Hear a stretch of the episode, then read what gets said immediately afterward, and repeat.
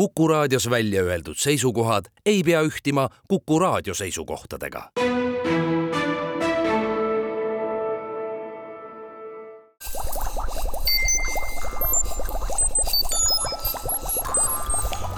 kukkuv õun head Kuku kuulajad, Kuku Õun eetris. külla kutsusin tänaseks Meremuuseumi merearheoloogia teaduri Ivar Treffnerit, tere Ivar. tere. mina saatejuht Marek Strandberg ja täna, kahekümne kuuendal juunil, kui me seda saadet salvestame, siis möödunud nädal oli igas mõttes pöörane, aga nädala algupool eriti põnev, hirmu tekitav ja küsimusterohke lõpuks ikkagi, kui üks seiklejate seltskond, viieinimiseline seltskond süsinikfiibrist tehtud patüskaafiga sukeldus Titanicu vraki juurde ja see lõpp oli üsna kiire ja paraku väga õnnetu. küsingi siinkohal, et äh, milline üldse on inimkonna ajalugu sügaval, väga sügaval ja väga-väga sügaval käimisega millal esimesed aparaadid suudeti valmis teha, mis üle kilomeetri sügavusele minna suutsid nojah, täpselt, et defineeri kõigepealt sügav, eks ole, et, et kui me räägime siin hobisukeldumisest, siis nelikümmend meetrit on selline piir, tehniline sukeldumine, siis me jõuame siin kuskile saja meetri natukene peale, peale on muidugi ka selliseid hulle, kes käivad mõnesaja meetri sügavusel, need on siis nüüd ilma aparaatideta, eks ole. aga on lihtsalt ju, ülikonna ja, ja balloonidega ja noh, erinevate seadmetega, aga mitte hapnikuga, sest hapnik hakkab meil juba kuue, kuuest meetrist peale mürgiseks muutuma. aga põhimõtteliselt jah, siis nii-öelda äh, ilma siis mingisuguse ümbritseva sellise tugeva kestata. aga eks ole ju teada, et, et näiteks Mariani sügavikku ju sukelduti juba esimest korda tuhande üheksasaja kuuekümnendal aastal ja see on meil siin pisut sinna üheteist kilomeetri kanti, eks ole. nii et, et ega selles suhtes sukeldud on ja, ja igasuguseid selliseid imelikke vähem imelikke moodustisi, mida võib siis ma ei tea, nimetada ka algesest patuskaafidest on ju isegi üpris vanade äh, graveeringute ja piltide pealt näha nii et, et selles mõttes see vee alla mineku tung on inimkonnal ikka juba väga-väga ammune. nagu taevasse ja kosmosesse minekugagi. ilmselgelt küll jah, ja täpselt nii nüüd äh, piltidelt nähtud kõikvõimalikud ka sellised sukeldumisülikonnad, mis on sepistatud või valatud ja sellised tugevad, aga saab liigutada nendes omaette siuksed rõhukindlad skafandrid. Kas selliste ehitamine tänasel päeval jätkub, et äh, nii-öelda inimene ise liigutades mingeid tööriistu ja asju seal vee all saab normaalrõhu all toimetada seal seespool ja väljastpoolt peab siis selline kest väga tugevale rõhule vastu? tead, ega ma päris sada protsenti kindlalt ei oska vastata, aga ütleme nii, et, et ROV-id ehk siis remotely operated vehicles ehk robotid on tänapäeval ikkagi juba nii arenenud ja, ja nii täpsed ja, ja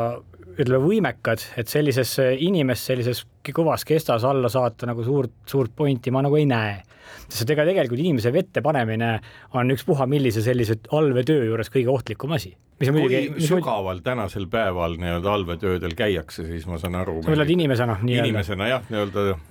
no need äh, jääb ikkagi sinna sellisesse saja ringi, kuigi, kuigi osades kohtades, mis siis tehakse seda saturation diving ut äh, äh naftapuurtornidel ja sedasi, on ka olu-, ütleme siis mõnesaja meetri sügavusel tehakse, tehakse töid, aga noh, need on nüüd siis nii, et inimesed, nad viiakse kellaga alla, käivad korra kellast väljas, tulevad kella sisse tagasi, istuvad parokambrist, teevad oma dekompressiooni seal ja inimese organism peab sellele vastu, ma saan aru, et siis külastatakse inimese vereringe ära hoopis teise gaasiga kui sellega, mis me, mida me siin üleval hingame. ja jah ja ei, selles suhtes, et noh, iseenesest ega see, see gaas on, meie keha ju on üle seitsmekümne protsendi on vedelikku, eks ole, ja teadupärast vedelikes antakse rõhk edasi igas suunas muutusteta, et me peame muretsema just selle osa pärast, mis ei ole vedelik, ehk siis kõiksugused äh, gaasid nii vereringes kui rakkudes. nüüd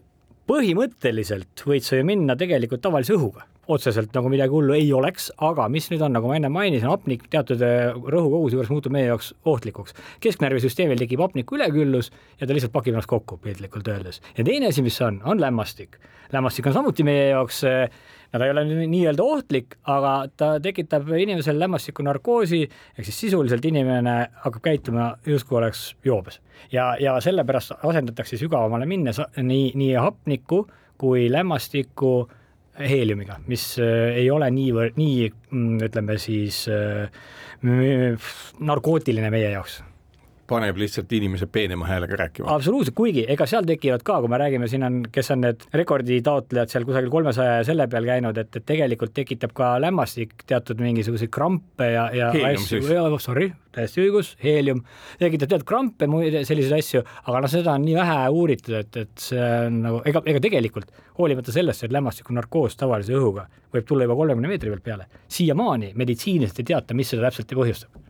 nüüd, kui tulla nende samade patuskaafide ja muude selliste seadmete juurde, siis äh, need olid ju muist niisugused korralikud terasest äh, paksud jurakad, saadeti sinna alla, tuldi ülesse, kasvõi see Mariaani sügavikus käimine,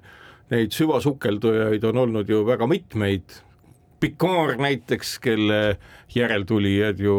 nüüd sel ajal isegi ju lennukiga ümber maailma, mis päikeselennuk lennanud on ja igasugu hulle seiklusi teinud. kuidas nüüd selle seiklejaga, kes äh, antud hetkel selle Tiitani nimelise äh, süvaaparaadi ehitas ja siis seda Ocean Gate nimelist ettevõtet äh, käigus hoidis, kas tal on ka niisugune korralik seikleja list ette näidata? No ei ole nüüd intiimselt tuttav tema ajalooga sedasi, aga no vaadates natukene seda Ocean Gate'i ajalugu ja, ja nii palju, kui ma olen siin noh, niimoodi põgusalt lugenud tema sellise iseloomu kohta, siis, siis kindlasti oli tema selline riskitunnetus või tajumine tavainimesest hoopis teistsugune ja palju leebem ja nagu ta isegi on väljendanud oma arvamust, et, et ohutus on progressi pidurdav nähtus või, või, või asi. ehk siis, et, et see, tema jaoks see ohutus võib-olla ei olnud eh, piisavalt kõrgel eh, prioriteetide tabelis nüüd see, mis juhtus, äh, nii palju kui praegusel hetkel on võimalik aru saada sellest kirjutatust ja räägitust, oli ju mis? süsinikfiibrist hästi mitmest ja mitmest kihist, sellisest kangast oli kokku liimitud selline süsiniktsilinder, mis külgedelt hästi rõhku talus. Nende otstesse olid pandud siis nii-öelda, äh, ma saan aru, titaanist sellised kopsikud, ühe sisse tehtud auk ja sellega ühe sellise valmistatud seadmega oldi sügavustes käinud mitte üks või kaks korda, vaid kümneid kordi. ja see, mida kõik äh, ohutusasjatundjad ju ütlesid, on see, et kuulge, et kui te surute ühte kihilist asja kokku ja lasete ta vabaks ja surute jälle kokku ja lasete vabaks, siis te nagu painutaksite traati metallist, mille ka mõnegi painutamisega lõppkokkuvõttes inimene ju pooleks saab, omamata näppude vahel ühtegi terarista. kas sellega juhtuski nii? See võis nii olla, eks peame muidugi lõplikud uurimise tulemused äh, ära ootama, aga selge on see, et, et kokku ta pressiti tohutu rõhu all. või ma pean täpsustama, et, et selle aparaadiga tõesti on kümneid ja kümneid kordi käidud, aga ta ei käinud, kui ma nüüd mäletan õieti, siis Titanicu peal vist ainult kolm korda, et, et ülejäänud korrad olid madalamates vetes, kuidas ta käis seal Andrea Doria peal ja nii edasi. aga jah, tõsi ta on, et, et vastu see vaene laevuke ei pidanud ja, ja jällegi internetiavaruses on, võib lugeda tema enda väljendit, et ta ostis selle materjali ju Boeingu tehasest, mis oli Boeingu poolt maha põhimõtteliselt kantud, kuna ei peetud, kuna garantiiaeg oli läbi. nii et, et see materjal juba algkvaliteet on natukene kaheldava väärtusega aga ometi need kümned korrad pidas see kõik vastu ja see tekitaski sellist, siis ma saan aru, kumuleeruvat hulljulgust, et saab ka edasi. no tundub nii jah, et, et ega siis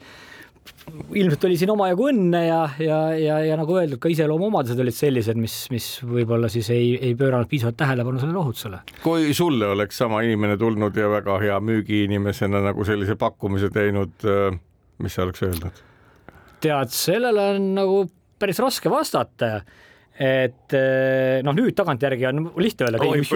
ja just, et ei midagi. väga hästi, et ei läinud. noh, esimese hooga muidugi, kui keegi ütleks, et kakssada viiskümmend tuhat dollarit tuleb sellest maksta, siis see oleks juba jah, selge, aitäh, aga tänan pakkumast. aga, aga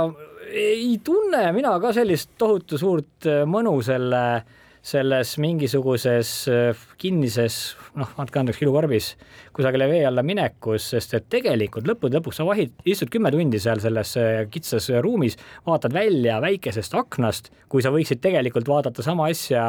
nii-öelda robotiga filmituna lihtsalt suurelt mugavas elutoas suure ekraani pealt. Efekt on sama, ainukene asi, sa saad nüüd tõesti öelda, kuhugi linnukese panna, et jah, ma käisin ise seal all no mõnes mõttes on ju see sarnane sellesama Jomolungma otsa ronimisega, millest on tehtud ju ka tööstus, kus on käinud tõenäoliselt tuhandeid ja tuhandeid inimesi, osad sinna elu jätnud ja see ainuke nauding, mida Jaan Küünap, äh, mägironija on öelnud, ongi pigem see, et sa käid seal korra ära, tuled alla ja sa ei saagi aru, mis seal on ja mis seal ei ole. ilma hapnikuta sa sinna ei saa ja siis ongi täpselt samasugune linnuke aga eks see ongi selline nagu inimtüübi küsimus, ütleme nii, et, et ma mäletan isegi korra mäe, siin madalamate mägede otsa ronitud ja alla tulnud ja siis kogu seltskond kirus, et ei kunagi enam. Ja kahe päeva pärast hakati juba arutama, et kuhu jälle, nii et, et noh, see on selline, tead, inimene unustab kiiresti. see on adrenaliinisõltuvus mingil määral. saavutusvajadus, saavutusvajadus, saavutusvajadus. aga mis nüüd puudutab sellesse eh, nii-öelda, et kas minna või mitte minna, siis eh, ka meedias ju rääkis jumal, ma nime küll ei mäleta, aga, aga üks äh, ameeriklane elab Las Vegases, kellele oli maha müüdud, kas, kes pidi pojaga minema äh, sinna sama sellesama Titani peale sellesamale reisile nüüd. ja, ja siis äh, see härra Rush oli siis kohale lennanud nii-öelda seda müügitööd tegema, muideks isetehtud lennukiga, mis juba oli vennal pannud äh, pisut äh, kellad helisema. Ja siis nad käisid, vaatasid seda Titani, no mina seda ise näinud selles mõttes niimoodi lähedalt ei ole, ei oska öelda, aga nemad käisid, vaatasid, siis ütlesid, no ei, jumala eest mitte ja, ja loobusid sellest pakkumisest ja see, nende asemele võetigi minu teada see Pakistani paar. siinkohal teeme saatesse väikese pausi ja kuulake meid pärast vaheaega edasi.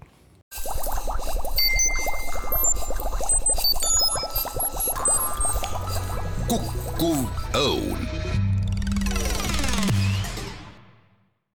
head kuulajad, Kukkuva õuna selle nädala teadussaates on külas Ivar Treffner, Meremuuseumi merearheoloogia teadur, mina saatejuht Marek Strandberg ja tänases saates kõnelemegi sellest äh, patuskaafist, mis õnnetu otsa leidis Atlandi ookeani põhjaosas Titanicu vraki lähedal. noh, mida me saame sellest veel rääkida, üks küsimus on selles, et äh, ma saan aru, et osaliselt sellesama ettevõtja ju lause, mida sa vahendasid, et äh, progressi kõige suuremaks takistuseks ongi ohutus. nüüd üks samm on astutud, kõigile on arusaadav, et samamoodi edasi ei saa järgmised küsimused on arusaadavalt selles, et ju iseenesest põhimõtteliselt sellise materjalitehnoloogiaga võiks ju selliseid süvaveeaparaate iseenesest ju ehitada. kas see tähendab seda, et kuna noh, kes ei tahaks müüa pileteid, kakssada viiskümmend tuhat dollarit, paar tundi hirmu ja oh kui vägev ja muudkui müü, võib-olla isegi viiekümne tuhande dollari eest, kui äri hästi läheb. mida siis tuleks nagu teistmoodi teha või mis nagu küsimused selles materjalitehnoloogias siis sinu meelest nüüd hakkavad ühel või teisel moel lahenduma? jah, see materjalitehnoloogia küsimus vast äkki tead väljub minu nii-öelda pädevusest, aga mis ma võiks öelda, mida, mida nagu sellest õppida, on see, et, et ikkagi no sellist kodude, ise tehtud aparaatidega võib-olla ei maksa nii sügavale ronida, sest et ka, ka see äh, Rush ju ütles, et osa asju, mis ta seal oli kasutanud, ostis ta kohalikust rauapoest üle leti kaubana. No isegi selle juhtimissüsteem, kui BBC näitas seda, et ühest nupust läks asi käima ja juhtimiseks kasutas ta mängukonsooli nii-öelda seda juhtpulti mis tekitas ka juba sellist kerget kõhedust. täpselt, täpselt ja nad ju tegelikult äh, väidetavalt siis mitmed-mitmed selle ala nii-öelda asjatundjad ja, ja no ütleme siis, kes ongi käinud ka seal, kes kas siis ehitavad või, või käivadki seal vee all nende patuskaafidega, olid ju kirjutanud ja lausa avaliku kirja teinud ka selle kohta, et kuulge mehed, et see, mis te teete, on jama ja, ja tegelikult see ei ole üldse turvaline. Noh, mis loomulikult need jäid igasuguse tähelepanuta selle OceanGate'i poolt, aga, aga, aga võib-olla isegi kõige selline parem näide on see, et nad noh, see on nüüd ka natuke segane, aga väidetavalt üritasid Lloydsi registris nii-öelda saada, Lloydsi käest saada sertifikaati sellele mm, patuskaafile ja Lloyds ei nõustunud seda sertifitseerima. Mille tõttu siis ka kõik reisijad kirjutasid alla, et tegemist on omal riisikul tehtava sõiduga seadmega, mida ei ole sertifitseeritud. jah, see, see, noh, see liability release on muidugi Ameerikas hästi tavaline, et, et isegi kui sa lähed tavalisele sukeldumiskoolitusele, sa pead kirjutama alla, et sa võtad kõik riskid enda kanda ja ei, ei oma mingeid pretensioone pärast nii koolitajate kui selle ettevõtte vastu, et see on nagu selles, selles ühiskonnas ja nende nii-öelda selles äh, kohtusüsteemis nagu tavaline, tavaline praktika nüüd, mida oleks saanud teha, sõidu ära jätta ja öelda, et okei okay,, et meie masin on ilmselt nii nigel või seda ei oleks võinud kuidagimoodi ette kujutada, kas üldse eksisteerivad mingid viisid, kuidas testida näiteks sellise kummalise konstruktsiooni vettpidavust sõna otseses mõttes nojah, selles suhtes ilmselt siin oleks hea rääkida näiteks mingisuguse Tallinna Tehnikaülikooli materjaliteadlastega või sedasi, et, et ja, ja või kes, kes oskavad juba öelda, et, et kuidas, kuidas seda asja siis modelleerida, tõenäoliselt tõesti mingit sellist survekambrit ei ole, kuhu teda pista ja, ja sellise rõhu, rõhu alla panna, aga aga tänapäeval on ju kõike võimalik modelleerida ja, ja, ja siis ja, ja teha teatava turvavaruga, ütleme nii, et noh, kuna me räägime, nagu me juba mainisime, et eks ole, Mariani sügavikus on ju käidud, noh järelikult tegelikult asjad ju toimivad, on võimalik teha turvalisi lahendusi. aga ma arvan, et siin taandus kõik äh, sellele, et mis see maksab ja kui palju see nii-öelda sisse tuleb, ühesõnaga kasumile. nüüd äh, su enda hinnang, kas selline õnnetus ja teistpidi ahvatlus juhatab sisse nagu on läinud kosmosereisidega, eks sealgi on olnud vigu, sealgi on saadud surma kogu ajaloo vältel, tänasel hetkel me näeme, et kosmosereisidest on tekkinud omaette turismiharu. kas äh, see õnnetus, mis on olnud siiamaani siis nii-öelda see riski võtmise koht,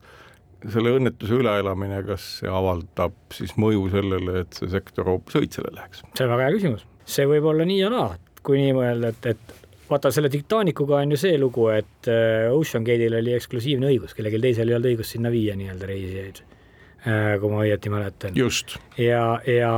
ja ei tea nüüd praegu, e-, eks noh, selliste turistidele pakutavat väikeste miniallveelaevadega mõnekümne meetri sügavusel solberdamist pakutakse praktiliselt igas kuurortis. ja, ja seda on hästi et, palju, aga et, see nagu... on ikka väga-väga tõsine asi, et kui sa tead, et kui midagi katki läheb, kulub võib-olla millisekund, käib üks plaks ja noh kedagi ei ole isegi alles vist, mitte midagi ei jää alles. ma arvan, ma arvan, et, et äh, klientide leidmine lähiajal on kindlasti raske. Kui, kui on, aga see, see õnnetus või võib vabalt äh, avada ukse sellistele uutele tulijatele, kes kasutavad teda mõnes mõttes nagu ära näidata, et kuulge, meie asi, no ütleme marketingi mõttes, meil on hoopis parem asi, meie, meie ma ei tea, oleme testinud seda üheteist kilomeetri peal, nüüd me läheme ainult nelja peale, eks ole, et et vot, kus meil on midagi, midagi. no vot on sama lugu ju kosmosereisidega, ega Elon Muskki ju rõhutas selle peale, et ta on teinud väga palju katseid ja tema sõidukid on väga turvalised, mis osutusidki olema väga turvalised, on ju tänaseks hetkeks kõik need lepingud saanud, mis varem olid ju riigi enda mm NASA-ga, Ameerika kosmoseagentuuriga tehtud lepingud ja on väga edukas objektide, inimeste ja kõige kosmosesse vedaja. nojah, siin, siin lihtsalt mis mind ennast paneb nagu mõtlema, on see, et, et kui sa kosmosesse lähed, siis, siis, siis on sul rõhu maa ja kosmose pea, kosmoses olemisel on sisuliselt ainult üks atmosfäär. Aga kui sa nüüd ronid... maale tagasitulekul on aga ikka mitu tuhat kraadi temperatuuri, mis hõõrumises tekib, nii et riske on igal pool. ei, noh, selge see, et risk on igal pool, et, et lihtsalt, et see, see, ütleme, see rõhuvahe ja kõik selline asi on, on seal vee all oluliselt suurem, aga, aga ja mm, mõlemad on suure riskiga tegevused ja ma arvan, et siin on kõige lihtsam lihtsalt elame-näeme, vaatame, kuidas selle asjaga läheb, et, et e-, ega kindla peale on inimesi, kellel on raha, et sellist reisi ette võtta ja keda ei hirmuta ütleme, selline asi väga ära, et, et et võib-olla isegi seesama see adrenaliinijanu ja see, see hoopis tekitab neil nagu suuremat tahtmist minna, raske, raske. kas Läänemeres on mõni koht, kus nähtavus oleks sedavõrd hea, et äh, siin oleks mõtet aparaatidega, selliste väikeste allveelaevadega käia vee all olevaid objekte vaatamas, minu meelest kasvõi Estoniat lõppkokkuvõttes, kus küll hauarahu kehtib, aga ega inimesed tahavad ka ju seda näha, kasvõi omaks, et kelle jaoks võiks see ju oluline olla nojah, ütleme siin väikse ääremärkusena, et tegelikult enamus vrakkide peal on alati keegi kuhugi hukka ka saanud, et küsimus on ainult koguses, eks ole. et, et aga ei, miks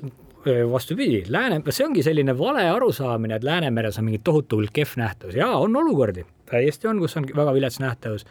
aga on ka olukordi sedasi, kus meil on nähtavus võib sul olla kakskümmend, kolmkümmend meetrit, noh, selge see, et see ei ole nüüd võrreldav võib-olla seal kusagil ookeani sügavustes. kus on nähtavus. hästi selge. just, just, aga, aga meil samamoodi on, on väga häid nähtavusi noh, siin lihtsalt äh, peab äh, vaatama, kus kohas see on, noh Liivi laht on niisugune legendaarselt kehva nähtavusega, on ju, Narva laht ka, mida kaugemale sa lähed, seda viletsamaks ta läheb, sest vee liikumine on väiksem, suured jõed kannavad sisse äh, setet ja nii edasi, aga näiteks Hiiumaa, Saaremaa taga ja mida rohkem sa nüüd lähed sinna lõuna poole või ütleme, Läänemere suudme poole, seda selgemaks tegelikult vesi läheb ja, ja tingimused järjest paremaks. sest mina ise olen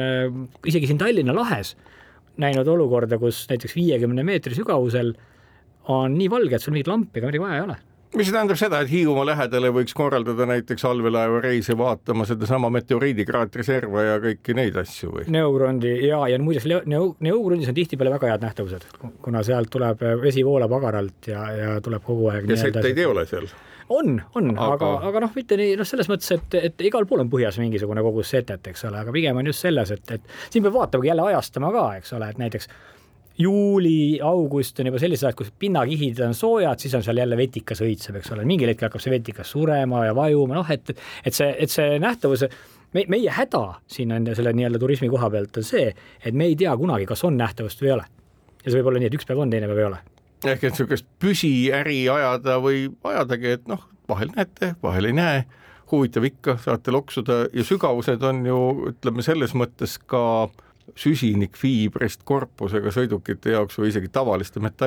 metallsõitkorpuse jaoks ju üsna kättesaadavad ja see vist ei ole täna enam probleem, et sukelduda kuuekümne, seitsmekümne või kaheksakümne meetri sügavusele mingi aparaadiga. ei, ei noh, tegelikult oleme ausad, et tehnilistel sukeldujatel ei ole, nagu ma ütlen, ka isegi, isegi ilma ühegi sellise, sellise aparaadita ka sada meetrit küsimus, eks aga samas inimene tänavalt tahaks ikkagi jah, kuhugi istuda. aga ei no sellise, sellise asja aparaadi tegemine tõesti noh, ei, ei tohiks olla väga suur, suur probleem ja, ja iseenesest on täiesti, täiesti teostatav, noh, meie võib-olla selline mm, olukorda keerulisemaks tegev asi on see, et, et tihtipeale lihtsalt on vrakkidel äh, kõiksugu näiteks mingit vana traalvõrku ja siukseid asju, kuhu, kuhu võib kinni jääda näiteks mingisugune sõiduk, sest sa ei pruugi alati näha, kuhu sa oled, inimene ise tajub võib-olla vees paremini enda seda ümbrust kui, kui ainult ühest aknast välja. sellise äri käimapanekul oluline tingimus on julgestamine ja abistamine ja päästmine. seda niikuinii jah, ja, ja absoluutselt, absoluutselt.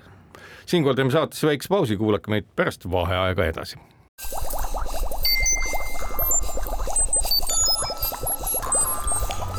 Kukkuv Õun. head kuulajad, Kuku Õuna teadussaade jätkub, sedapuhku kõneleme eelmisel nädalal, salvestame nimelt saadet kahekümne kuuendal juunil ja eelmine nädal teadupoolest oli siin Atlandi põhjaosas üsna traagiliste sündmuste nädal. külas on mul Ivar Treffner, kes on Meremuuseumi merearheoloogia teadur, mina saatejuht Marek Strandberg. Vello Mess, allveearheoloog, on kirjeldanud seda, et äh, väga paljudel puhkudel kõikide vrakkidega, mis on ühes või teises kohas maailma merepõhjas, sellega seonduvalt on äh, tekkinud selline omalaadne piraatlus ja röövimine ja muu selline problemaatika. kas asjaolu nüüd, et äh, mõnes mõttes nojah, meile tundub, et äh, seesama Tiitani või Titani hukk nagu ehmataks inimesi eemale, mina oletan, et pigem vastupidi, et see tekitab niisugust kihelust ja valmidust tehnoloogiat edasi arendada. kas see võiks ka tähendada seda, et äh, kõik need vrakid muutuvad oluliselt äh, jõulisemalt siis vaadeldavateks ja võib-olla ka tühjaks varastatavateks? jah, seda temaatikat on siin tõesti Vello kunagi päris agaralt äh, nii-öelda reklaaminud, aga, aga tegelikult see olukord, no ütleme Eesti kontekstis ei ole sugugi nii hull. Äh, jah, tõenäoliselt on alati inimesi, kes tahavad omale suveniire ja olen näinud ka äh, nii-öelda sukeldumises äh, inimesi, kes ütlevad, ei ole küll eestlased olnud, aga on öelnud, et ma ei saa alt üles tulla nii, et ma ei võta midagi kaasa. siis me oleme rääkinud, et kuulge, kulla sõbrad, kui te tahate siin sukelduda, siis meie ühtegi asja ei puudu, ainult vaatame, eks ole, no üks asi, mis sa võid kaasa võtta, on pildid, mälestused, nii et, et äh, kindla peale on selliseid inimesi ja, aga ma arvan, et äh, no ma ei tea, kui sul on raha maksta kakssada viiskümmend tuhat dollarit, siis tõenäoliselt äh, ainukene mingisugune noh, ja vaata, siin on ka teine asi, see aparaat peab olema võimeline midagi, kaasa võtma. ja nüüd on nagu see, et kui sa teed seda ärilisel eesmärgil, ütleme, et sa viid inimesi näiteks Titanicu juurde, siis kas sinu kui selle äri eestvedaja huvi on see, et iga inimene, kes sinna alla läheb sinu selle laevaga, võtab midagi kaasa, mis omakorda on jällegi ju tegelikult äh, nii-öelda litsenseeritud tegevus, sest seal on ka, et kes tohib üldse tuua sealt midagi üles ja kes mitte. sest vaevalt, et nüüd hakkab olema seltsimehi, kes ehitavad omale eralaevad ja hakkavad käimagi rüüstamas, äh, noh, see ei ole ju ka nii lihtne. sa ei, ei pruugi ju laeva isegi sisse saada või noh, kuhugi millegi, midagi sealt üles korjata, ütleme, mis oleks nagu mingisugusegi väärtusega. ma nagu väga seda ei pelga, et, et, et nüüd hakkaks tohutu suur ma ei tea, sügavate vrakkide rüüstamine peale, et, et ma arvan, et see on ikkagi nii piisavalt eksklusiivne ja, ja keerukas asi, et, et, et massides seda ei lähe. no teistpidi, kui me vaatame Kesk-Ameerikat, Kolumbiat ja sellist piirkonda, kus ikka on üht-teist narkootilist pakkide ja küll tonne kaaluvate koormatega just nimelt sellised mõõdukalt sukelduvad allveelaevad reisivad üsna nappide vahenditega väga kaugele ja üksikud avastatakse ja väga paljud ilmselt selles nii-öelda eraviisilises allveelaevatööstuses jäävadki avastamata ja jõuavadki sihtkohta, kuna lõppkokkuvõttes narkomaania määr ja narkootikumikaubanduse määr on teada ja see on väga suur. ja üks tee on kindlasti allveetee. kas selline äh, oskuste hulk, mis põhimõtteliselt erakätes täna on, on ju üsna hirmutav mõnes mõttes tead olles ise näinud ühte seda laeva, äh, mis on, asub. mina ei ole ühtegi näinud. mina olen. oled? ja täitsa see, kuna ma ka koolitan Euroopa Liidu piirivalvureid siin merepiiri ja merepääste koha peal. räägi sellest laevast. ja just, siis see on üks selline konfiskeeritud alus on Hispaanias Aavilas kohaliku või mis kohaliku, Hispaanias nii-öelda selle politseikooli aia peal ja no ütleme niimoodi et see on täpselt selline alus, et mina sellega ei julgeks mingit siit, ma ei tea, Tallinna lahtigi ületada, sest sisuliselt ta on tehtud epoliimist ja, ja äh, klaaskiust ja mingist sellist, sellistest asjadest. ja see tuli kustkohast üle Atlandi ookeani? jah, kusagilt, ma ei, no tõesti kuskilt seal Kolumbia kandist sealt tuli. küsimus on selles, nad ei sõida väga sügaval, nad sõidavad praktiliselt pinna lähedal, neil on ikkagi nii, et, et a la diisel on toodud sul või nii-öelda see sumps on toodud äh, pinnale välja, ehk siis te, toru on kogu aeg pinnal ja sealt võtavad ka õhtu, õhku ka, et nad ei ole selles mõttes traditsioonilised allveelaevad, mis lähevad kuhugi noh, nii-öelda täielikult vee alla ja, ja siis äh, sõidavad seal noh, ütleme siis äh, mingisuguseid pikkasi vahemaid, et need tegelikult ikkagi oma õhu ja, ja heitgaasid, õhu võtavad pinnalt ja heitgaasid saadavad pinnale. nii et see on selline nii-öelda võimalikult odavalt tehtud ja eks sealgi ju maksab mingisugune rehkendus, et võib-olla siis selle kaotamine ei ole ka nii suur risk. ma tahtsin just öelda, et, et me ei tea, palju neid kaduma on läinud ja palju see nii-öelda see õnnestumisprotsent on, eks. aga no see, see oluliselt lihtsam ja kindlam on viia kaubalaevaga lihtsalt materjal nii-öelda Aafrikasse ja sealt edasi liigutada ja nii, nii, nii need teed praegu on pigem. et, et need need allveelaevad või siis sellised vee, veepinna all liikuvad isendid on ma arvan, niisugune pigem selline eksootika, et, et noh, ja teine asi, palju selline ikka jõuab kaupa peale võtta? no ega väga palju ei jõua, samas see kaup on väga kallis. ta on kallis, jah, ta on kallis tänaval lõpptarbija jaoks, aga, aga tõenäoliselt ei ole küll spetsialist. aga ei, ei tea, aga jah, et, et koha peal tõenäoliselt on ta ikkagi oluliselt äh, soodsam, et, et sest et, et tegelikult äh, ma oleme, olen ka seal rääkinud piirivalvuritega, kes on siis äh, näiteks Tarifas ja jälgivad siis nii-öelda seda Aafrika ja Mandri-Euroopa vahelist liiklust, siis eh, noh, nad ütlevad ka, et, et, et võttes arvesse, et kui palju on nõus nagu need inimesed eh, selle kaubanduse käigus valmis nagu investeerima, ehk siis näiteks, et tuua kaup üle, pannakse kolm hästi võimsate mootoritega, mitte odavate mootoritega paati korraga liikuma, et eh, ja ühel on ainult seal peal ja täiesti on arvestatud sellega, et ütleme, kolmest näiteks ainult üks jõuab kohale, eks. et, et see, see nagu noh,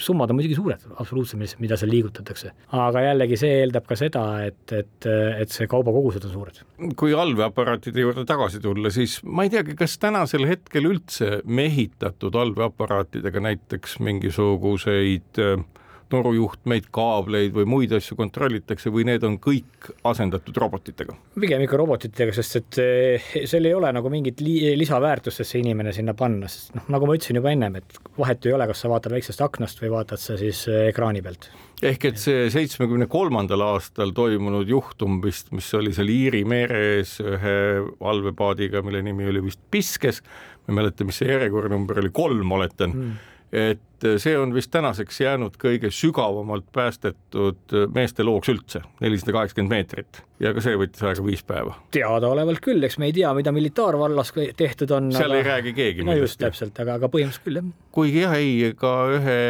ühe venelaste pääste, õigemini sellise patüskaafi päästsid vist ameeriklased ära kusagilt sealt Kamtšatka kandist, kuhu see oli oma sonarite, sonarite kaablitesse takerdunud ja see vist juhtus isegi kahe tuhande viiendal aastal, mis oli päris ka omapärane juhtum, kus siis sedasama Kurski kogemust mäletades taibati abi küsida. jah, aga vaadates hilisemaid sündmusi, siis on jälle see nii-öelda abi küsimine ära unustatud siin kui siin oli äsja nende teadlastega seal, kus nad nüüd lendasid, kas mitte Barentsi meres või Valges meres või kus seal oli see? just. jah, mingi plahvatus, eks ole, et, et nii et ega merepääste mulle tundubki, ongi selline nagu keerukas, kuidas merel päästmisega üldse on, et see on ju selline äh, ma olen siin püüdnud aru saada, et noh, inimene päästetakse ära igal juhul ja jah, tähendab üritatakse. üritatakse päästa ja siis ma saan aru, et vara päästmine on juba eraldi kokkulepete küsimus. vara päästmine on varaomaniku asi, eks ole. aga merepäästest rääkides, siis jah, varas, omal siin varasemas elus äh, olin ka ligi kaheksa aastat äh, PPA merevalvekeskuse ülem, ehk siis meie asi oligi tegelikult inimeste päästmine merelt, noh, ühes ka riigipiirivalve, merepiirivalve ja, ja reostuste tõrje, nii et, et natuke on ka sellega kokku puututud. Ja, ja tegelikult nagu sa mainisid, inimese päästmine on nii-öelda selle riikliku süsteemi asi. Varapääste on nagu varaomaniku enda asi. teatud olukordades, kui sellele, kui see vara või no ütleme siis näiteks laev võib hakata kujutama ohtu keskkonnale, keskkonnale näiteks või laevaliiklusele, siis teeb eh, riik ise selle pääste ära, aga pärast esitab arve siis nii-öelda selle vara omanikule. nagu Bostoni äh, pääste, õigemini Ameerika rannavalve äh, juht Bostonis pressikonverentsil teatas, et üldiselt jah, et sõltumata sellest, kuidas inimesed hätta sattunud on, nemad päästetakse alati ära, kas see on midagi tõsisemat või on lihtsalt lõbusõidupaadil veidikene ülemeelikum kesk-, kes-, seltskond juhtunud olema ja vägijooke tarbinud, päästetakse ära kõik, keegi ei esita ühtegi nii-öelda nõudmist. kas vara päästmisega on siis nagu tegelemas hoopis teised ettevõtted või et kui nii-öelda noh, ma ei kujutagi ette, et kui näiteks näiteks sealgi oleks see allveepaat alles jäänud ja nii edasi, nii edasi, kas kellelgi tekiks siis õigus sellele allveepaadile või mismoodi see asi korraldatud on? nii, kõigepealt võiks täpsustada, et tegu on rannikuvalvega, sest rannavalve on see David Hasselhoff, jookseb selle punase, punase just, just, ja, ja, ja, ja. aga see on, see oleks huvitav kaasus iseenesest, no ütleme nii, et, et, et kui see oletame, et see patuskaahv oleks terveks jäänud ja, ja oleks seal põhjas olnud. nüüd tõenäoliselt oleks see ikkagi päästetud riikliku nii-öelda ressursiga või ütleme siis nagu selle juhtiva ametkonna poolt ära, noh, vahet pole, kas seda teeb erafirma või mitte, on ju. et oleks ta välja toodud just selle mõttega, et äh, äkki on keegi elus, sa, sa ei saa nagu täie kindlusega öelda, et inimene on surnud, kui sul ei ole nii-öelda noh, surnukeha või siis on tõesti juba nii pikk aeg mööda läinud, et äh, ei ole enam ütleme sellist ühtegi mõistlikku alust arvata, et keegi on elus. et, et nüüd, kui ta sinna ja vaevalt, et ta sinna põhja oleks jäänud, eh, see oleks toodud lihtsalt ka juba uurimise pärast välja. et, et selles mõttes ma ei usu, et see oleks tekkinud seda momenti, et keegi, et kuule, oh, ostan ära, lähen toon ära või midagi sellist, et seda, seda ilmselt ei oleks tekkinud. siinkohal teeme saatesse väikse pausi ja kuulake meid pärast vaheaega edasi.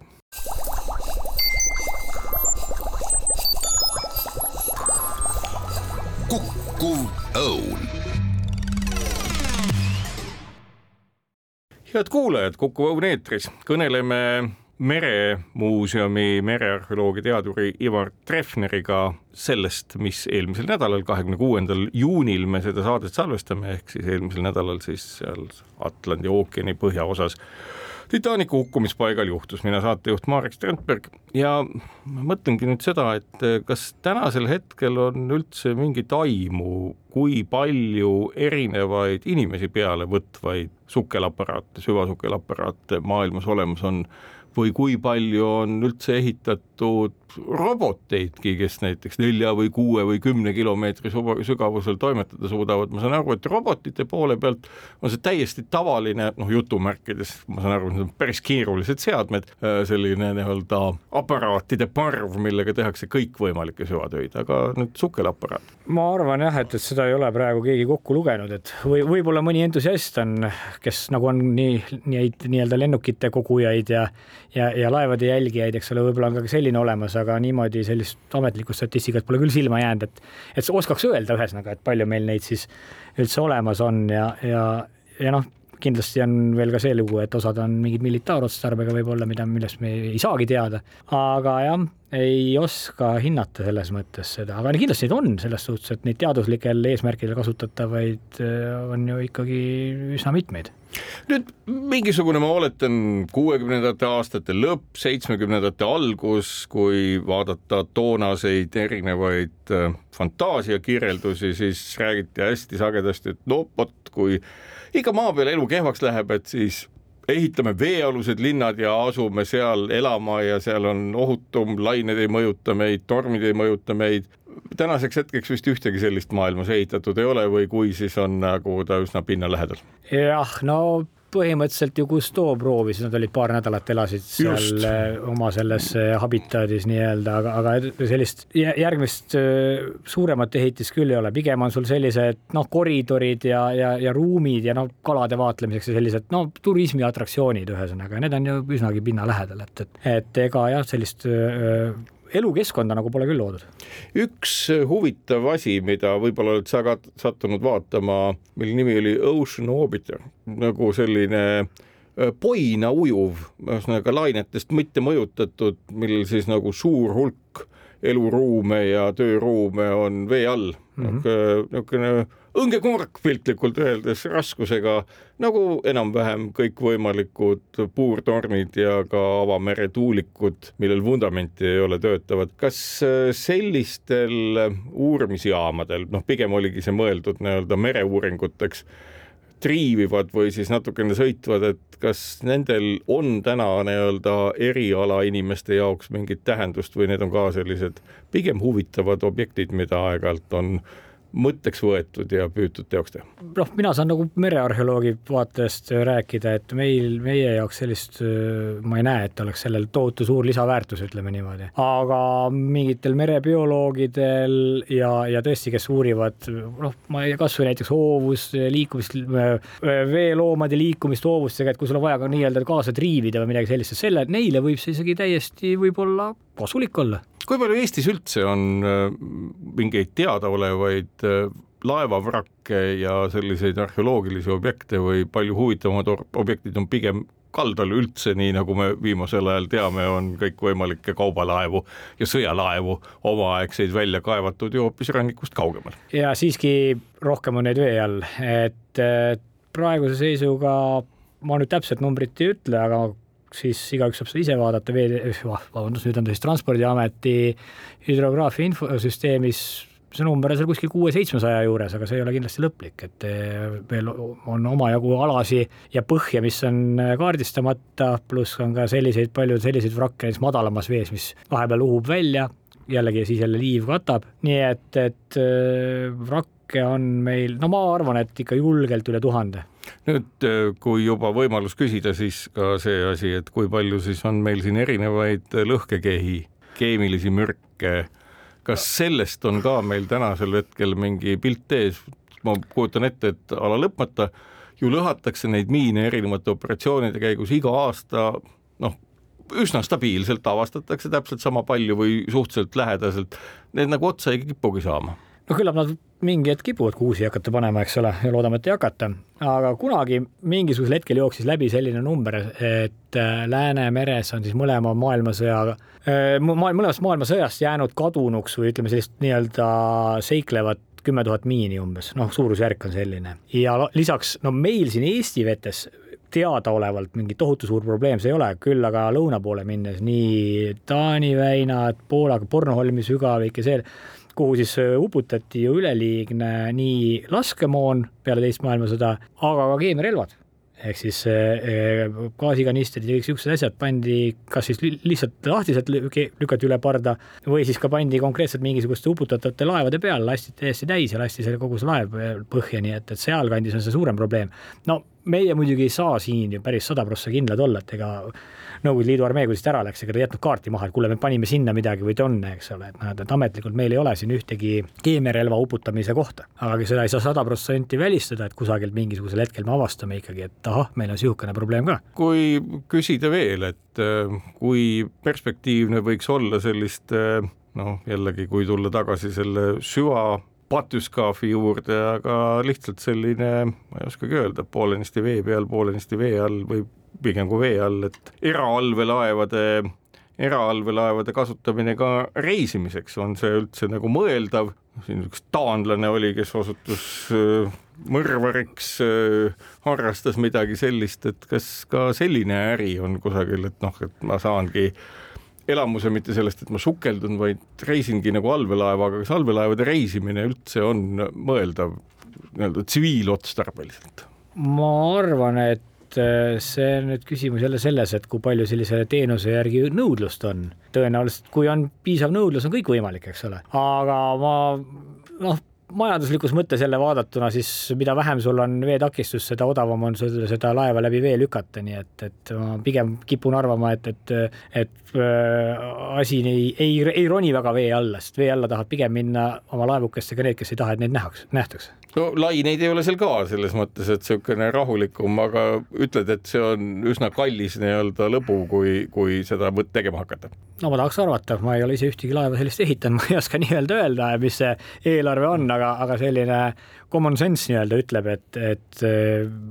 tavalaeva ehitamine vast on ikka soodsam kui, kuule, kui sa saad suure Tallinki laevaga siin kaks tuhat inimest korraga üle lahe vedada, siis kujuta ette, kui suur peaks olema see asi seal vee all ja, ja millist energiat ta nõuaks, et see, et see paar tuhat inimest liigutada. ja see oleks väga-väga vähe tõenäoline tõepoolest. ei noh, eks selles mõttes mingisugused ekstsentrikud, kellel võib tekkida tahtmine, et, et jah, ongi mõnus, et ma saangi liikuda, ma ei tea, Tallinnast Helsingisse vee alt, eks ole, ja ja selline, no ma ei tea, kuna siiamaani sellist ühtegi teenusepakkujat ei ole, ju siis ei ole ka nõudlust selle järgi. või mine tea. aitäh, Ivar Treffner, et said tulla kõnelema nii hukka saanud Titanist kui muudest allveeasjadest. sellega on Kuku Õuna saade läbi, kuulake meid jälle täpselt nädala pärast ja kaunist päeva teile.